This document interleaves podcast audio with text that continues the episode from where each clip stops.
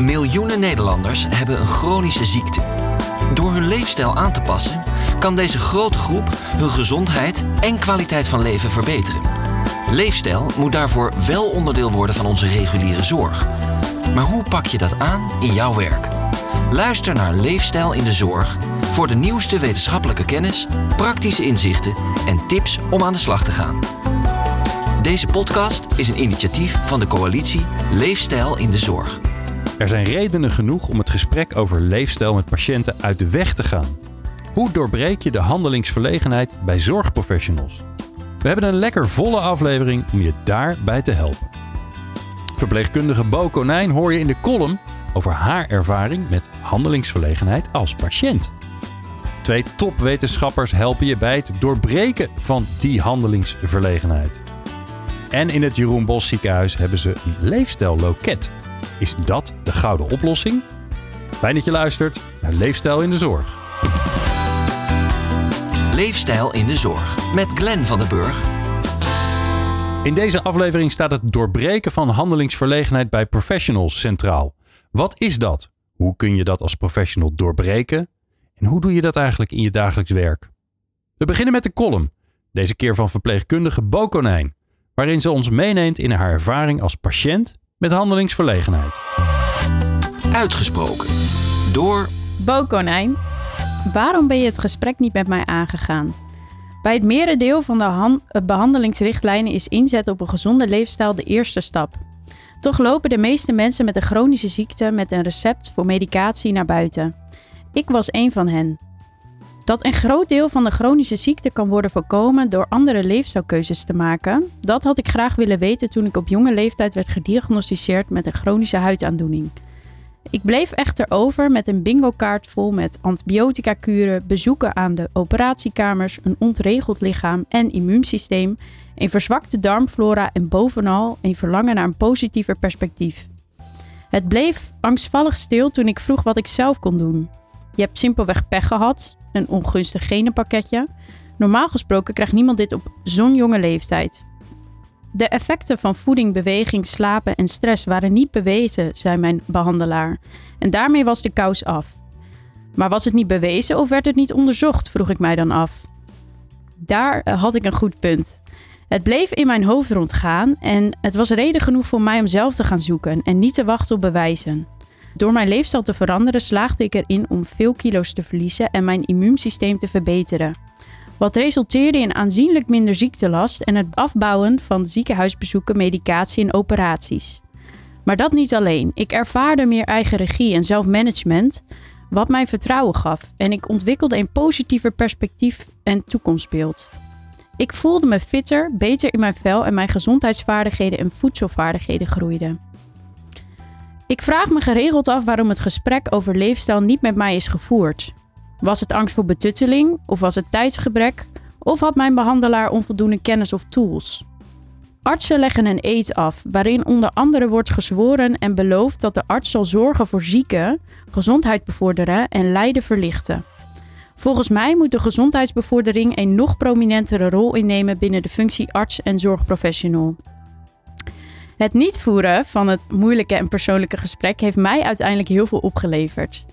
Uh, ik ben zo ge gegroeid door mijn ervaringen en ik heb hierdoor mijn passie en drive gevonden om het bewustzijn van andere patiënten en behandelaars omtrent de effecten van leefstijl en gedragsverandering te vergroten.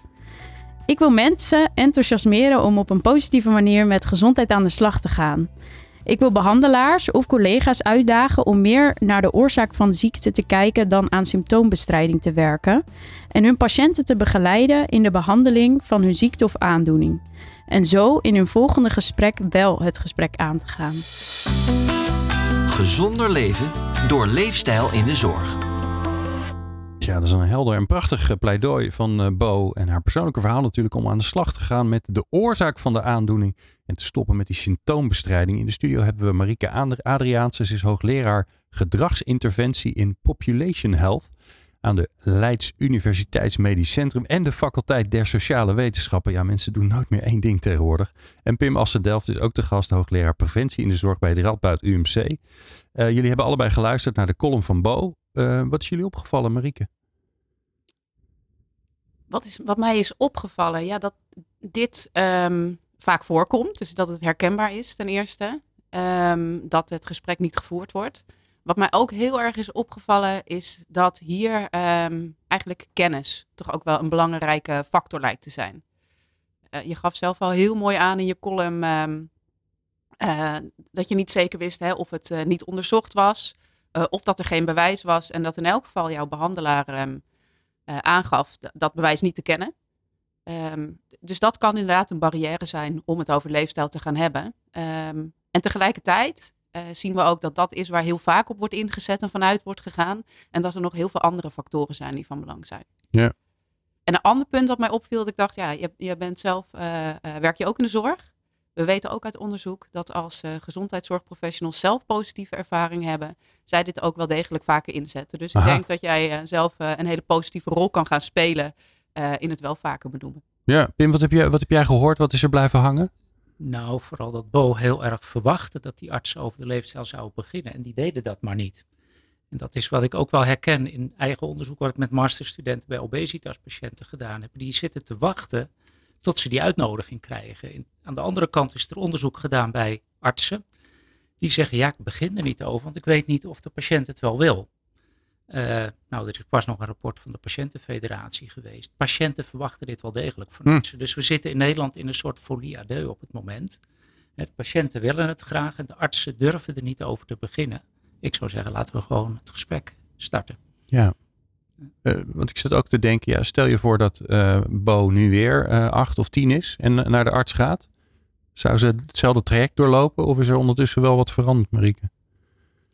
Ja, dat is heel lastig om te zeggen, omdat ik de specifieke context niet ken. Ik denk dat we ook op moeten passen met alle gezondheidszorgprofessionals en alle casussen en aandoeningen op één hoop gooien. Maar dat het nog steeds veel te weinig gebeurt.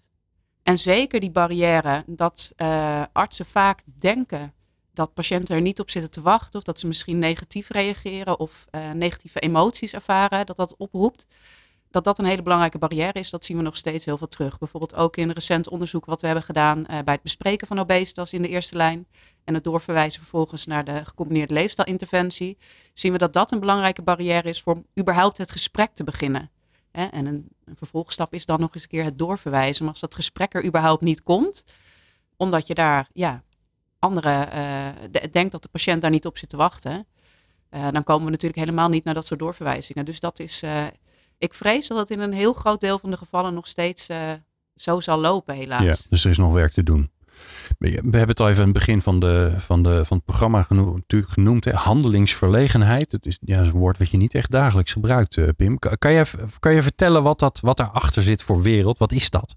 Uh, nou ja, dat is wanneer je aan zorgverleners vraagt waarom ze dit gesprek niet aangaan. Dat er een heleboel redenen zijn waarom ze dat niet doen kennis is net al genoemd. Misschien angst voor de weerstand bij de patiënt. de meeste mensen weten soms van bepaalde dingen wel degelijk dat het ongezond is. Een ander ding wat ik echt heel belangrijk vind, in ieder geval voor artsen, is dat we de achterdeur nog niet goed geregeld hebben. Dus als die patiënt zegt, nou, ik wil er wel wat mee, ja. Dat we eigenlijk niet weten wat, we, wat dan de vervolgstap is. We hebben onvoldoende vervolgmogelijkheden. Er is inderdaad soms ook nog wel twijfel over de evidence, de onderliggende bewijslast. En ja, er zijn artsen die zeggen, ja, moet ik mensen wel vragen om hun hele leven en vaak dat ook van het gezin te veranderen, als ik niet zeker weet hmm. dat dat ook baat gaat geven.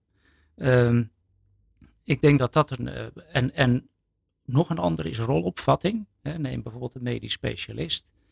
Uh, die misschien uh, op verwijzing van een andere arts werkt, die denkt dan misschien, ja, nou ja, daar zal die andere arts wel over begonnen zijn. Of ik moet gewoon even kijken wat de diagnose is. Maar ik ga niet ook nog dat hele leefstijlverhaal, dat moet die huisarts maar doen of die andere medisch specialist. Ja, ja, het hoort niet bij wie ik ben, wat, wat mijn taak of mijn verantwoordelijkheid is. Ja, twee dingen. Dus eerst de arts. Hè, moet ik dat gesprek, wat vaak meer dan twee, drie minuten duurt, moet ik dat wel voeren? Maar het andere is ook weer, omdat wij vaak in ketens werken, dat onduidelijk is wie nou verantwoordelijk is voor de begeleiding van een chronisch patiënt. Ja.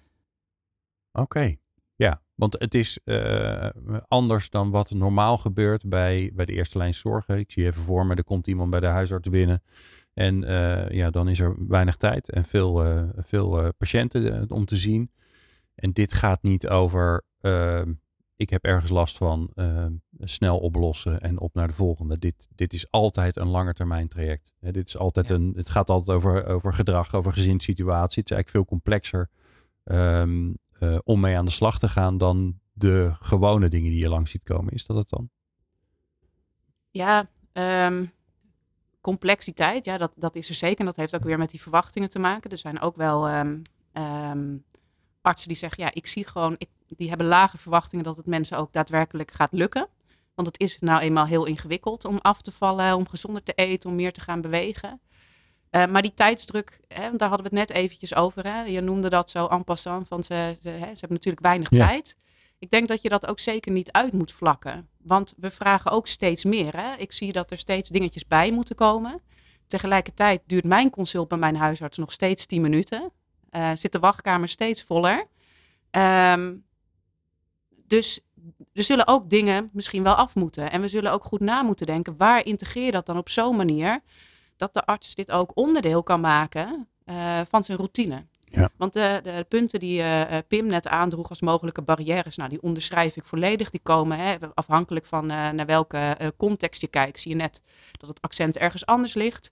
Maar die komen steeds terug. Zeker ook dat tijdsaspect. Maar dat zijn ook allemaal nog wel vrij beredeneerde processen. Van oké, wat vind ik, eh, past het bij mij? Zit de patiënt erop te wachten?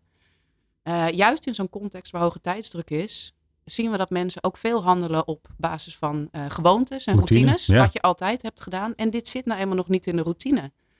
Eh, dus een belangrijke uitdaging zit hem ook in, niet alleen in ehm, hoe zorgen we ervoor dat die arts in staat wordt gebracht om dit te gaan doen Ja, ja. in de Dus spreekkamer. het grappige is, het, is het, het gaat natuurlijk veel over gedragsverandering van de patiënt of eh, Ja. van, de, van, van de mensen die zijn leefstijl wil aanpassen. Maar het gaat ook over gedragsverandering eigenlijk van de hele sector, eh, van de hele zorg, eh, van de huisartsen die dit moeten gaan incorporeren, die weer iets nieuws moeten gaan doen en moeten kijken, ja, hoe past dit eigenlijk in mijn dagelijkse gang van zaken? Ja, zeker. En dat is heel eigenlijk apart dat we dat steeds eh, vergeten. Dat is toch een soort eye-opener als ik ergens een praatje geef van, oh, blijkbaar is die dokter toch ook gewoon een mens. Die onder tijdsdruk valt hij ook terug op routines en op gewoontes. Dat zien we ook uit onderzoek. Ehm, wat mensen zich voornemen om te gaan doen is een belangrijke voorspeller in een consult. Eh, maar wat ze altijd al hebben gedaan is zeker net zo'n sterke voorspeller. En dat vraagt Ja. gewoon om andere type interventies. Die En- verder gaan dan alleen maar vertellen over dat leefstijl belangrijk is. En dat daar evidentie voor is op de plekken waar dat er daadwerkelijk is. Ja, want ik hoor jullie ook allebei zeggen, ehm, eh, er wordt ook nog getwijfeld aan eh, nut en noodzaak ervan. Dus het, het bewijs wat ervoor is, maar ook het, de, het succes wat je ermee kan behalen. Laten we daar eens even mee beginnen, eh, Marieke. Want ja, als je, als je inderdaad iemands leven overhoop gaat gooien, zoals je dat volgens mij zelf zei, ja, dan, is maar, dan moet je natuurlijk wel een idee hebben dat het ergens toe gaat leiden. En als je daar niet in gelooft, eh, ja, dan heb je volgens mij wel een probleem. Dus laten we eens even de, de laatste stand van zaken eh, op dat terrein eh, eh, meegeven aan onze luisteraars. Dus wat, wat is het succes van die gedragsveranderingen? Ja, ik denk dat we op heel veel terreinen zien dat eh, gezonder eten, meer bewegen, eh, heel veel positieve effecten heeft. Maar tegelijkertijd denk ik ook, en dat noemde ik in het begin al even, dat het juist heel erg belangrijk is om aan te sluiten bij die context. Want de huisarts zit niet te wachten op dat ik hier vertel, het is voor heel veel dingen goed, dat weten ze ook wel. Maar je wil dat koppelen aan specifieke eh, aandoeningen. En Ja. ook daarbij zien we dat een belangrijke barrière is, ehm, of nou laat ik positief framen, een bevorderende factor is, is dat iemand met een klacht komt die heel makkelijk te vertalen is naar leefstijl. Dus bijvoorbeeld als iemand te zwaar is en die heeft kniepijn, dan is het makkelijker ook voor die professional om dit te benoemen dan wanneer ik kom eh, met hoofdpijn. Ehm, Ja, ja, ja. Oké. Dus dat, ja, daar Omdat het ook voor de patiënt veel makkelijker is om die, om die, eh, eh, die combinatie daar neer te leggen. Hoofdpijn, ja, dat kan overal vandaan dat komen. is ook de perceptie van de arts. Van ik heb nu een bruggetje, ik mag nu ook het gesprek makkelijker gaan voeren. Oké. Dus ik denk dat we, dat we ja, dus in van die generieke eh, uitspraken over het heeft heel veel positieve effecten, die, die kennen we allemaal, dat weten Ja. we ook allemaal wel. Ik weet niet of dat heel erg gaat helpen om dat gevoel van, oh, dit, dit heeft zin, Ja. hè, om dit te gaan doen, te bevorderen. Ehm, plus, dat heeft zin, heeft eh, niet alleen te maken met, oké, ehm, zou het eh, de symptomen verminderen voor de patiënt als die meer gaat bewegen, maar ook, is die patiënt in staat om dat te gaan doen? Heb ik vertrouwen dat die voldoende ondersteund gaat worden? Dus ken ik bijvoorbeeld zo'n gecombineerde leefstijlinterventie? Weet ik iemand naar wie ik kan verwijzen? Eh, en heb ik dan succesverhalen? meegemaakt. Zodat ik ook die patiënt kan motiveren. En dat Ja. ik ook zelf denk dat het zin heeft om die patiënt daarna door te sturen. Ja, ik- het klinkt, het, ik hoor allemaal elementen inderdaad een stukje jouw vak van die gedragsverandering langskomen. Hè? Dus je moet, er- je moet er natuurlijk in geloven. Als je er niet in gelooft, ga je het waarschijnlijk ook niet doen. Ja. Eh, je moet je voornemen. Je moet, eh, ehm, ehm, ehm, je moet ook als iemand inderdaad zegt, ja, nou dat is goed dat je daarover begint, dokter, moet je ook wel een idee hebben dat er een soort van handelingsperspectief daarna is. Want ja, waarom zou je er anders aan beginnen? Zijn er nog meer elementen die daarin passen? Nou ja, ik zou toch nog wel een keer die gewoonte of die routine wi- willen benadrukken. Ja, ik, ik, ik zat ook een tijdje terug, eh, mocht ik eh, mee observeren. Dus een dag bij de huisarts weer gezeten. Ehm, met een gesprek waar het heel logisch was geweest om ook leefstijl te benoemen. En ook daar gingen we uiteindelijk, eh, liep iemand weg en zagen we van, oh, dat gebeurde niet. Oh ja, ik dacht er even niet aan. Een arts is ook maar een mens, dat hebben we in het dagelijks leven ook heel vaak. Dus ook haakjes vinden, kijken hoe kunnen we dat koppelen. En ik denk dat Ja. eh, wanneer we eh, gezondheidszorgprofessionals gaan opleiden, ook veel sterker moeten gaan inzetten op het hoe doe je dat. In plaats van alleen op het eh, wat moet je dan doen en waarom is het belangrijk en weet je wel dat leefstijl helpt. Ja. Maar ook goed nadenken dat we ze de vaardigheden bieden om bijvoorbeeld het gesprek te voeren. Dat zien we ook dat artsen dat noemen als barrière. Maar ook hoe integreer ik dat in mijn routine? Daar kom ik zo voorbij terug. Want dat is natuurlijk de grote vraag die erboven hangt. Hè. Hoe gaan we dit dan allemaal fixen? Want ja, volgens mij weten we ondertussen allemaal dat het belangrijk is en dat we het moeten doen. Pim, even ook naar het, wetenschappelijk bewijs van die combinatie van eh, klachten of aandoeningen en, ehm, ehm, en de, de, de, de leefstijlinterventies die er zijn en die gewoon werken. Wa- waarom wordt daar toch nog steeds aan getwijfeld? Nou, allereerst omdat eh, dat onderzocht wordt op een manier hè, waarop we ook pillen onderzoeken. Eh, dat doen we met gerandomiseerde studies. Eh, die hebben als nadeel dat dat vaak vastgestelde programma's zijn. Het heet dan ook een leefstijlinterventie, terwijl dat hoor je net van Marieke over de dokters. Dat geldt hetzelfde voor patiënten. Het is vaak heel contextgericht. Je zou eigenlijk het liefste dat ook veel meer gepersonaliseerd willen doen. Dus de spelregels zijn niet goed. Vaak is de follow-up periode vrij kort. en wordt er ook aan de maintenance, dus aan het onderhoud van de leefstijl, veel te weinig aandacht besteed. En dan krijgen mensen een programma van zes weken. Dan houden we daarna de hand op de rug en dan gaat dat, vallen die mensen terug. En dan wordt er gezegd, zie je nou wel, het werkt niet. Hmm. Onze leefstijlinterventie, terwijl, dat zien we bijvoorbeeld aan de gecombineerde leefstijlinterventie. Het duurt wel een jaar om het gedrag te veranderen en een jaar om het weer daarna vast te leggen. En dat is vrij intensief. Ja, je zou Dat kunnen soort zeggen, programma's als je, zijn nauwelijks geëvalueerd. als je een chronische ziekte hebt en je stopt met je pillen, dan gaat het ook niet goed met je komen, toch? Dus ja, je moet er wel mee doorgaan. Nee, en een andere vergelijking is hè, de terugval. Dus hoeveel, hoe vaak moet je het proberen voordat het werkt? Nou, ik ben zelf van achtergrond huisarts.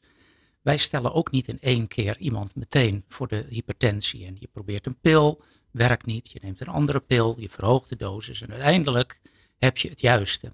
Terwijl bij leefstijl vaak, hè, voor de artsen die het dan wel een keer proberen, als die patiënt dan toch weer begint met roken of toch weer aankomt, zeggen ze, zie je nou wel? Nee, daar kunnen we van leren. Dan moet je dus kijken, wat paste er niet goed bij deze patiënt en wat hebben we verder nog in de gereedschapskist? Kan ik eh, experts eh, hulp vragen? Zijn er nog andere programma's?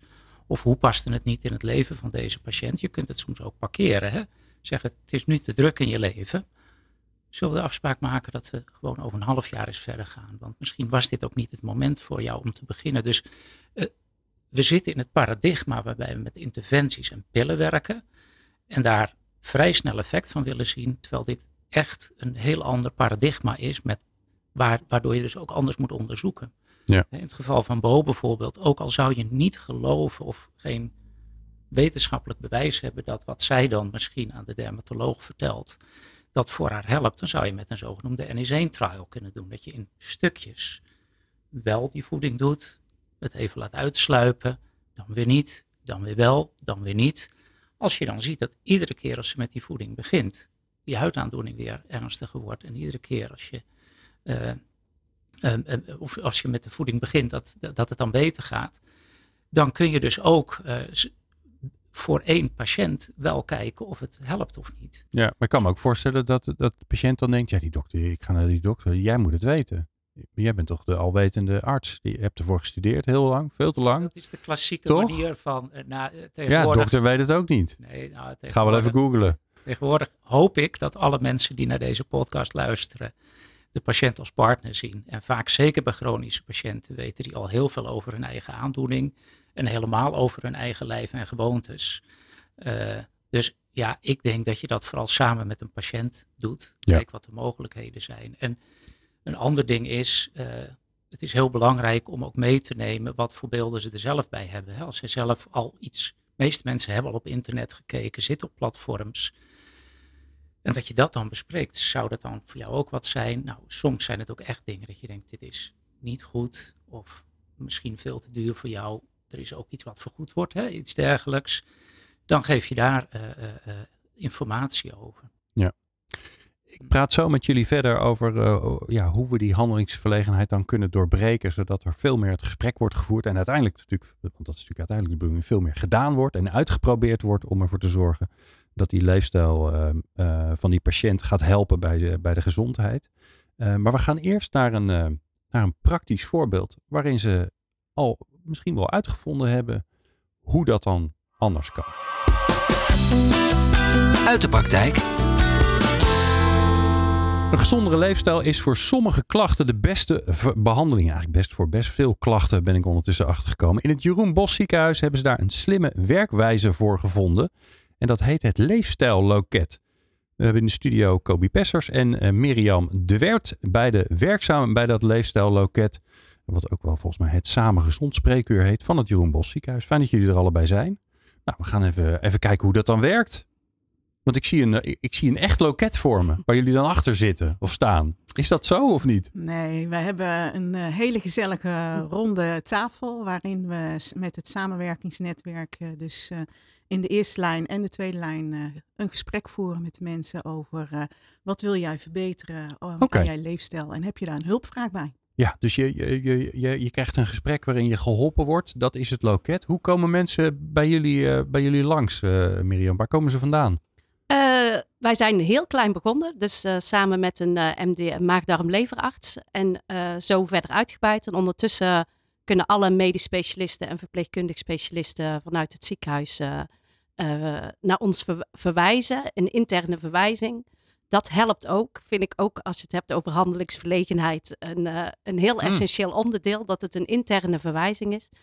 Um, en ondertussen kunnen ook de huisartsen uh, naar ons uh, verwijzen. Dus wij proberen... En waarom maakt het dan uit dat het een interne verwijzing is? Het is, uh, als het gaat om handelingsverlegenheid bij, bij artsen en verpleegkundige specialisten, toch iets van, oh dat is vertrouwd, want dat zijn collega's en die ken ik. Okay. En de buitenwereld is soms ook eng. Ja, en dan is zo'n zo patiënt die wordt dan doorverwezen en die is dan over drie maanden aan de beurt of zo? Of, of zit, kan het iets rapper bij jullie? Echt wel. Ja? Nee, we proberen echt binnen de vier, vijf weken mensen in ieder ah. geval hun eerste afspraak, hun eerste intakegesprek uh, plaats te laten vinden. Mm -hmm. En um, daarin worden ook uh, met, met, de patiënt samen, hè, want daar hebben we het al over. Dat zei Pim ook heel mooi. Die patiënt is eigenlijk in actie. En die maakt zijn plan, plan van aanpak. Die is in de regie. En wij proberen daarin te ondersteunen. En binnen een uur probeer je op het gebied van positieve gezondheid ook, waar wij uh, als tool gebruiken. En daarnaast uh, het leefstijlroer, al die aspecten, wat uh, heel mooi zojuist ook al genoemd werd. Proberen we te kijken van waar ligt nou de basis, waar ligt nou jouw hulpvraag en hoe kunnen we je daarin ondersteunen? Kun je een stuk zelf doen? Heb je in je omgeving, door middel van zelfmanagement, of uh, heb je daar in de eerste of in de nullijn uh, mensen bij nodig? Zoals Marieke juist ook zei, bijvoorbeeld een GLI. Maar het kan ook heel uh, een eenvoudig. Een GLI, een gecombineerde leefstijlinterventie. Oh, Neem me niet kwalijk. Ja, nee, dat zijn ja, van die termen ja. die je dan af en toe gebruikt. Ja, oké. Okay. Oké, okay, dus, uh, maar ik hoor je dus ook zeggen, we kijken eigenlijk best wel breed. Hè, want, je, want ja, bij mij zit in mijn hoofd leefstijl is uh, uh, voeding, is bewegen, nou, als je een beetje mazzel hebt, zit slapen er nog bij. Maar dat is het dan wel. Maar dit klinkt nog breder eigenlijk. En zo is het ook. Ik bedoel, als jij niet lekker in je vel zit, je hebt een heel uh, kleine sociale kring, je komt niet buiten uh, je eigen verhaal, dan hoe wil jij dan nog aan jouw gewichtsreductie, aan, aan, jouw uh, kilo's gaan werken? Dat moet eerst op orde zijn. En dan zul je zien dat in verloop van tijd, wat Marieke ook aangeeft, hè, die gedragsverandering op een natuurlijke manier ook daar naartoe gaat werken. Heb je een voorbeeld? heb ik een voorbeeld? Nou, ik heb heel veel voorbeelden. Ik doe zelf de gesprekken. Die zijn heel divers. Hè? Wat we ook al uh, net hoorden. Dat mensen, hè, dat je eigenlijk maatwerk moet uh, leveren. Zo noem ik het dan. Pim noemde het net met een ander woord. Uh, inderdaad anders. Nou, vooral een voorbeeld waarbij je zegt. Ja, wij gaan dan het gesprek aan. En dan komen we op iets uit. En dat is eigenlijk helemaal niet wat je verwacht. Je verwacht, oh, dan gaan we een dieet doen. Of we gaan calorieën tellen. Of we gaan, nou, wij zijn al wars. met een wandelcoach op pad. Of nou, enzovoort. Ja. Het zijn allemaal hele leuke dingen, die zijn heel praktiserend. Maar als jouw hoofd er niet, toe, niet uh, als jouw hoofd alleen maar bezig is van hoe kom ik deze dag financieel rond? Of hoe uh, kan ik, uh, als er bijvoorbeeld relationele problemen zijn, hoe komt dadelijk mijn partner thuis en hoe hmm. ga ik dat gesprek aan over dat ik bepaalde dingen niet heb kunnen realiseren vandaag? Dan ben je daarmee bezig. En um, waar het om gaat is van hoe kun je die gedragsverandering binnen uh, op een natuurlijke manier gaan krijgen, zodat je uh, wel naar die gewichtsreductie toekomt. En dan zul je eerst ondersteuning moeten gaan vinden, bijvoorbeeld uh, hè, als je een grote mantelzorgtaak hebt, hè, wat heel veel stress ge kan geven. Ja. Hè, we hebben, horen we veel over momenteel. Dat je dan um, zorgt dat je daarin ondersteund wordt. En als je daarin ondersteund wordt, dan heb je weer ruimte om naar die sportschool toe te gaan. En dat je naar die sportschool toe gaat, dan ervaar je dat uh, je weer relaxter wordt, waardoor je die mantelzorgtaak ook weer beter aan kunt. En niet die emotionele eten gaat worden, waardoor je door je stress uh, steeds meer kilo's aankomt. Dat is eigenlijk een beetje zoals ja. ik het bedoel. Mirjam, hoe hebben jullie ervoor gezorgd dat, dat al die, uh, die artsen in dat ziekenhuis en al die andere professionals in het ziekenhuis, dat ze jullie weten te vinden, dat ze ook mensen door durven sturen? Want ja, ook daarvoor geldt, een ziekenhuis is in de regel een grote organisatie. Dus mensen zullen jullie kennen, maar niet iedereen. Dus hoe, hoe fix je dat? Um, nou, wij door in ieder geval een aantal artsen, zeg maar de early adopters, om dat wetenschappelijk uh, te benoemen, een aantal artsen die er wel in geloven. Hè. Wij ook in het Jeroen ziekenhuis uh, uh, hebben we natuurlijk nog steeds artsen die ook die, die twijfel hebben van werkt het wel.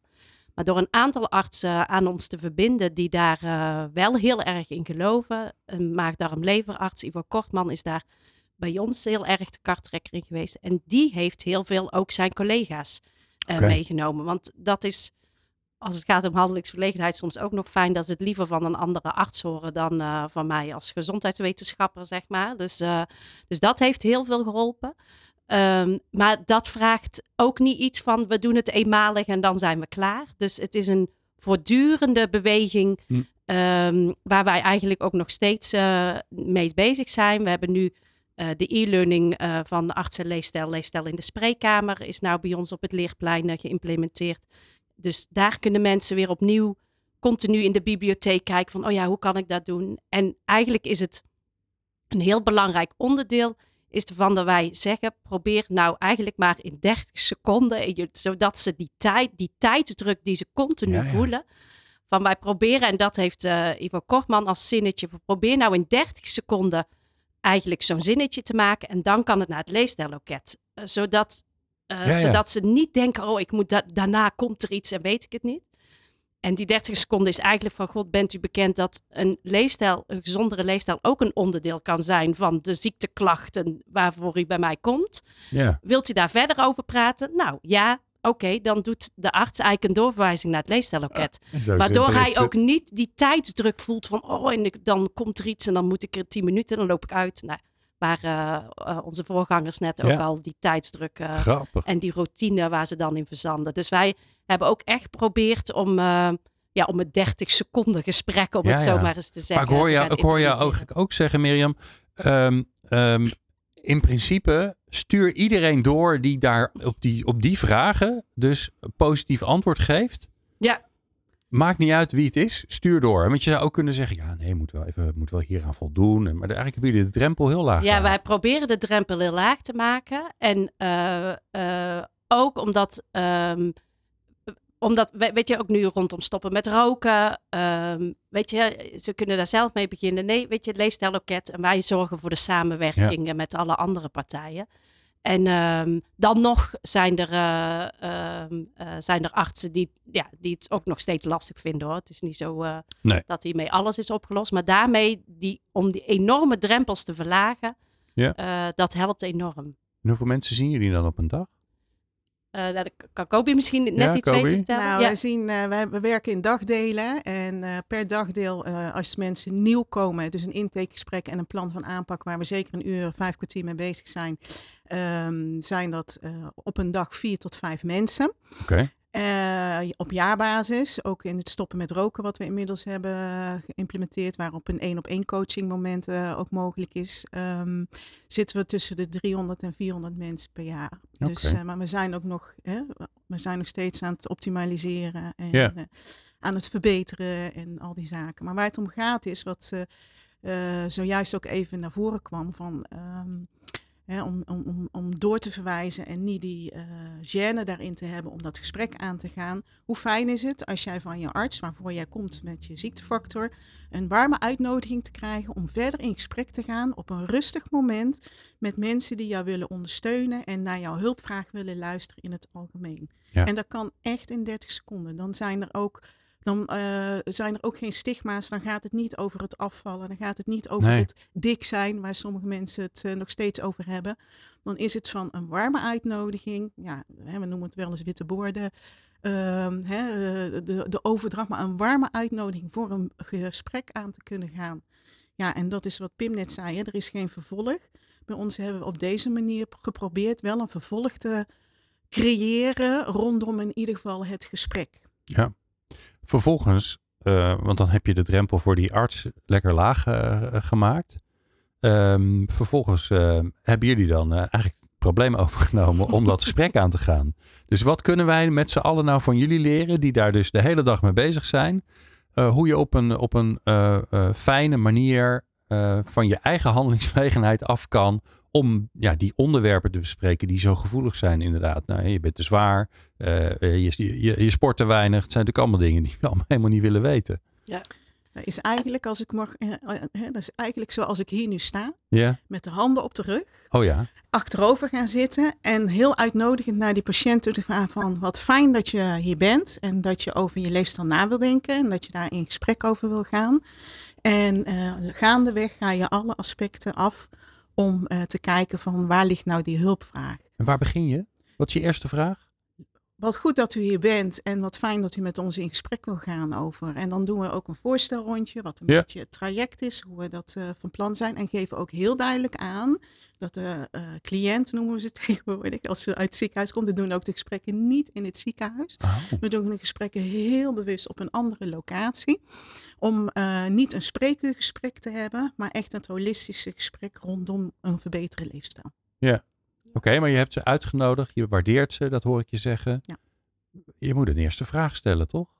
Om te beginnen. Nou, nee, van de, vraag is van, nou, wat is de reden waarom u hier okay. bent? En uh, ja, wat, wat, wat is uw idee hierbij om dit gesprek aan te gaan? Ja, ja, oké. Okay, dus je, hoe je, bent u ja. hier terechtgekomen? Ja. ja, en ik, wat de essentie is, en dat horen wij ook met name terug van, uh, van patiënten, dat um, we eigenlijk ook vanaf de start al zeggen, we, we gaan het eigenlijk niet over die kilo's hebben, hè? want dat is altijd wat ze horen, je, je bent te dik, Mhm. te zwaar of je moet afvallen. Nou, weet je, je, je wil eigenlijk af van dat gewicht en die kilo's.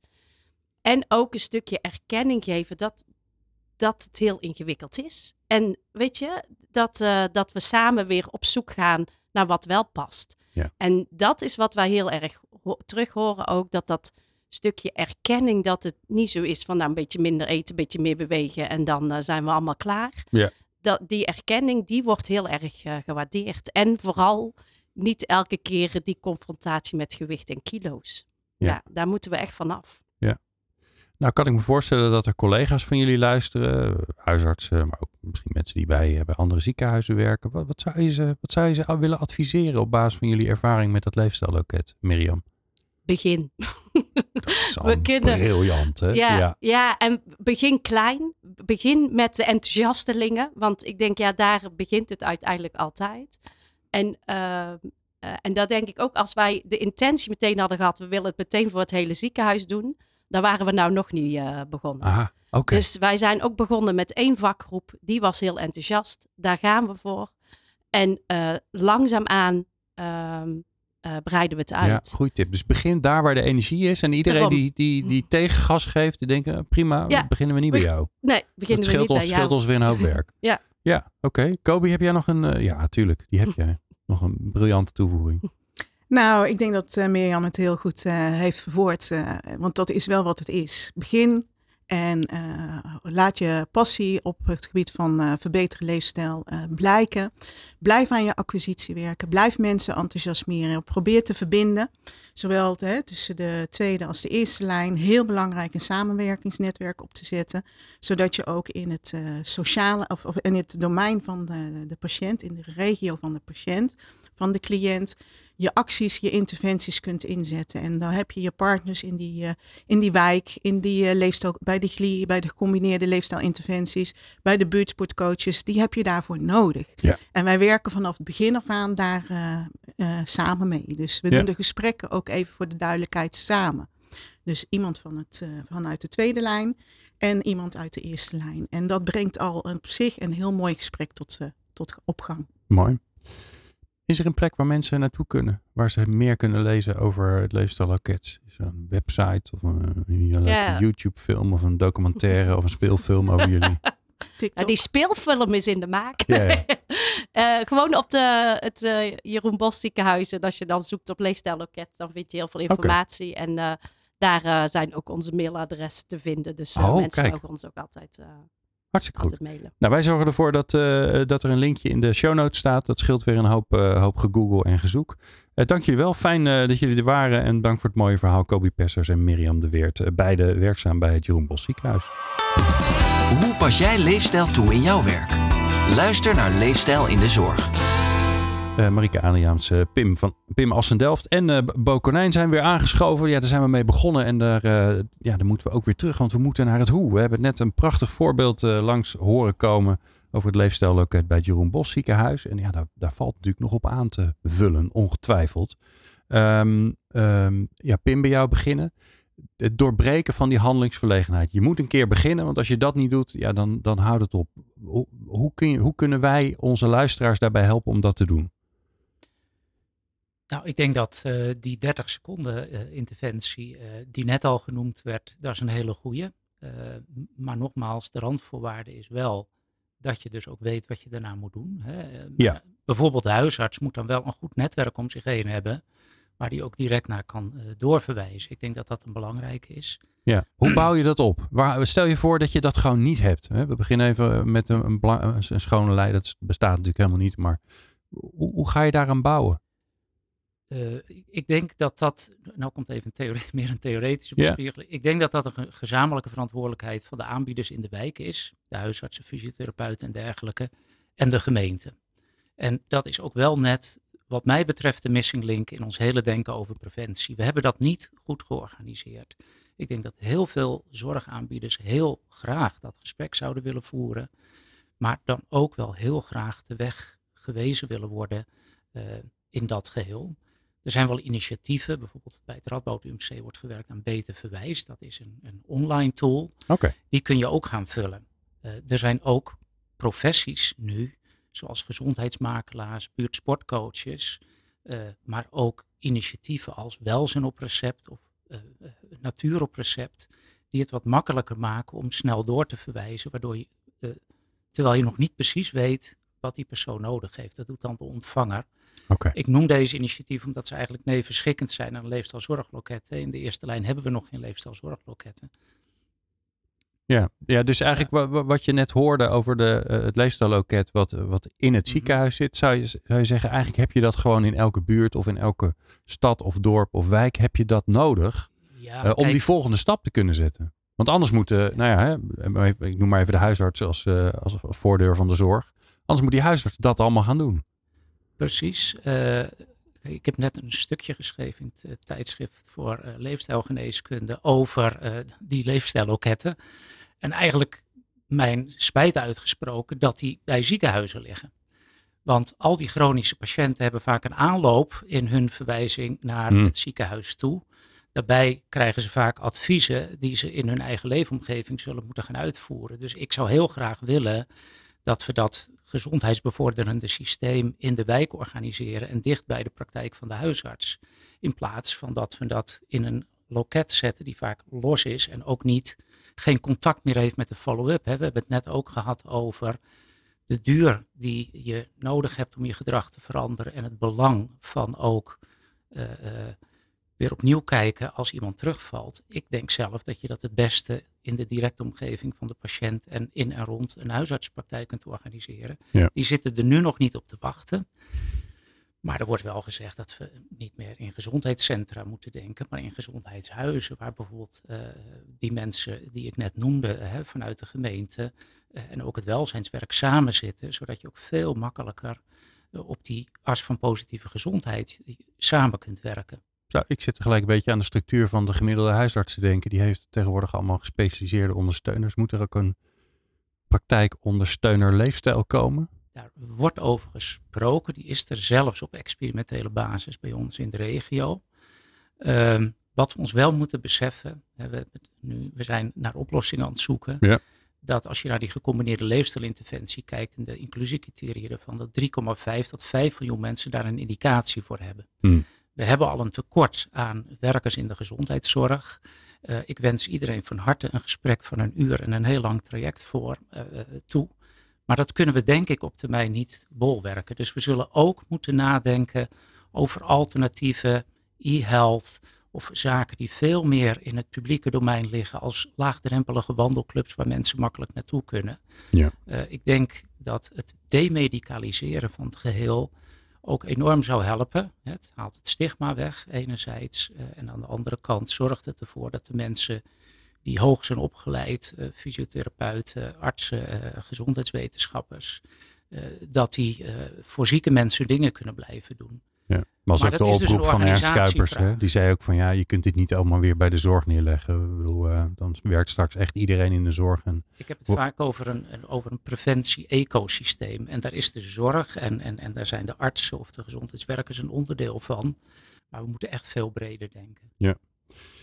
Uh, Marieke, die um, gedrags, uh, ik zit de hele tijd aan die, aan die gedragsverandering te werken. Hoe, hoe, hoe kun je daar een beetje aan bijdragen om vanaf morgen, dan gaan we het lekker concreet maken, um, het in je routines te gaan slijpen? Nou, ik, ik sluit me aan bij Pim, die sowieso allemaal hele zinnige dingen zegt waar ik uh, uh, me volledig bij aansluit. Uh, ook wat betreft, wat betreft die bredere omgeving, hè, die we ook gewoon moeten veranderen. En het grotere systeem, niet alles in de zorg leggen. Maar wat zou je nu kunnen doen? daarvan denk ik dat dat 30 seconden gesprek echt een prachtig voorbeeld is. Uh, niet alleen omdat het 30 seconden duurt. Ja, ik heb de neiging om ze nu aan te kijken, ja, maar dan praat ik niet meer goed ja, in nee, de microfoon. um, uh, maar ook omdat het heel concreet een zinnetje is, wat je ergens achter kan plakken. Uh, dan is een voorwaarde natuurlijk dat je ergens naar kan verwijzen. Dus je zou voor jezelf kunnen nadenken, oké, okay, wat is een goed moment om dit te zeggen? Je moet een moment hebben waar je het aan kan koppelen, wat ook vaak terugkomt. Um, dus uh, als jij, uh, nou, tenminste als ik naar mijn huisarts ga, dan uh, is er altijd een moment dat er eventjes wat in de computer gezet wordt en daarna het vervolggesprek. Nou, waar ja. zit daar een moment dat je dit even kan noemen? Denk daar goed over na. En ja. bij wie zou je dat kunnen doen? Dan heb je van tevoren nagedacht wat je dan gaat zeggen.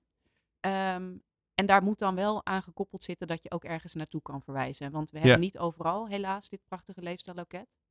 En heb je nog iets van een trigger nodig, zodat je niet volledig in je, in je, in je automatisme, in de flow, uh, je ding doet en dan achteraf denkt, oh ja, dat zinnetje.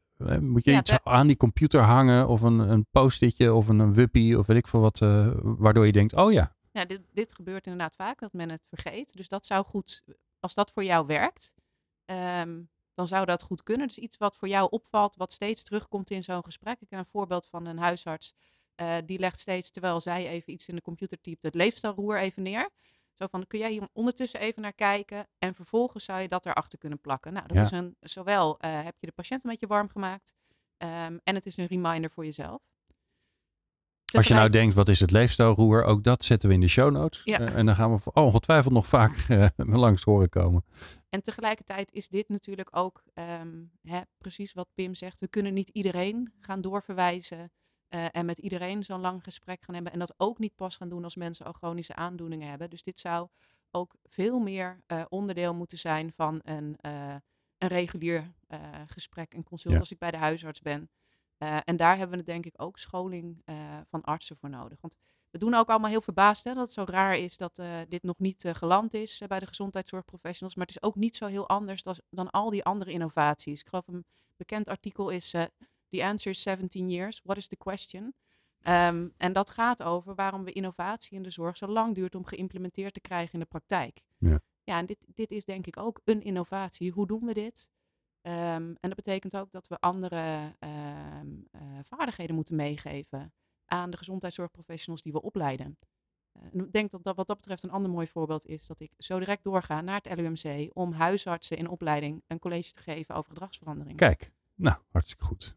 Dus er gebeurt natuurlijk al ongelooflijk veel. Hè? Maar ja, het is ook, ja, het is ook uh, taai. Verandering is taai. En uh, zeker als je, als je ziet wat er allemaal op de bordjes van de gemiddelde uh, zorgprofessional ligt. Bo, we gaan bij jou afsluiten. We zijn bij jou begonnen, Bo Konijn, met jouw persoonlijke verhaal over hoe jij leefstijl hebt gebruikt om, ja, om, om, om hard te werken aan, jou, aan jouw gezondheid. En hoe dat ook succesvol werd met vallen en opstaan.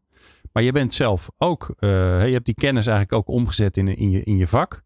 Uh, dus je hebt ook een enorme bak ervaring als, uh, als professional. Wat zou jij over die handelingsverlegenheid, over dat gesprek aangaan, het bespreekbaar maken, het op tafel leggen, wat zou jij meegeven aan onze luisteraars?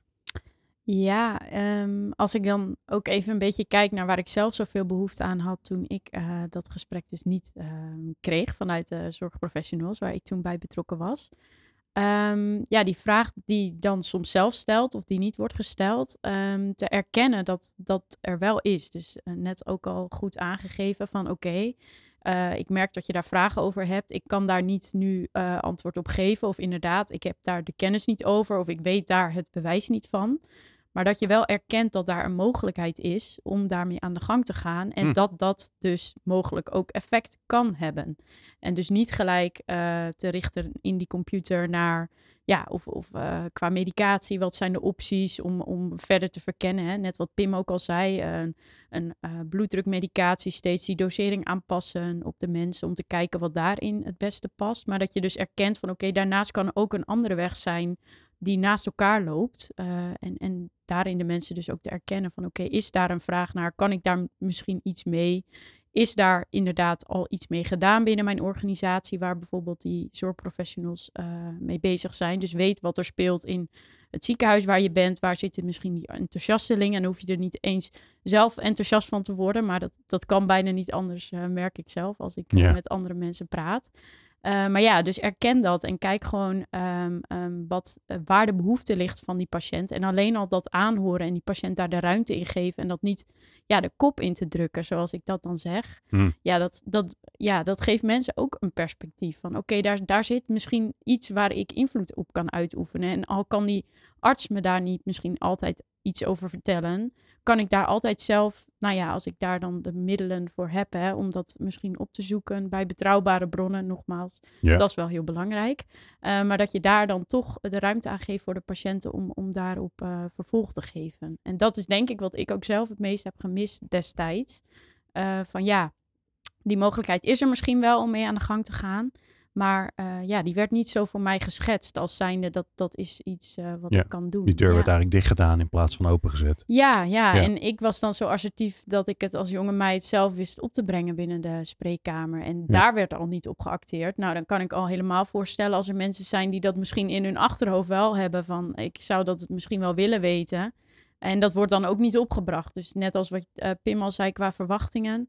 Uh, ja, kijk gewoon daarin en wat er speelt ook bij die patiënt. En, en als je die steeds opnieuw terug ziet komen, ja, is er dan toch iets wat je ze mee kan geven van waar kun je zelf dan toch, uh, ja, ik noem dat altijd aan die radertjes draaien. En dat al is er maar één iets waar je mee begint, vaak uh, gaat dat natuurlijk door in een hele andere, ja.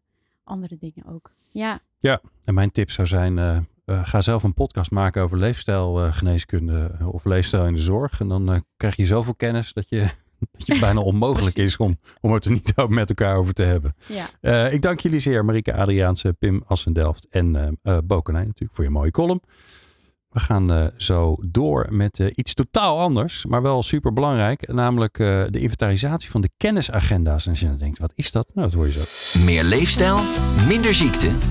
Leefstijl in de zorg. De inventarisatie kennisagenda's door de coalitie komt dit najaar uit. Het is een naslagwerk van bestaande kennisagenda's waarin leefstijl een onderwerp is.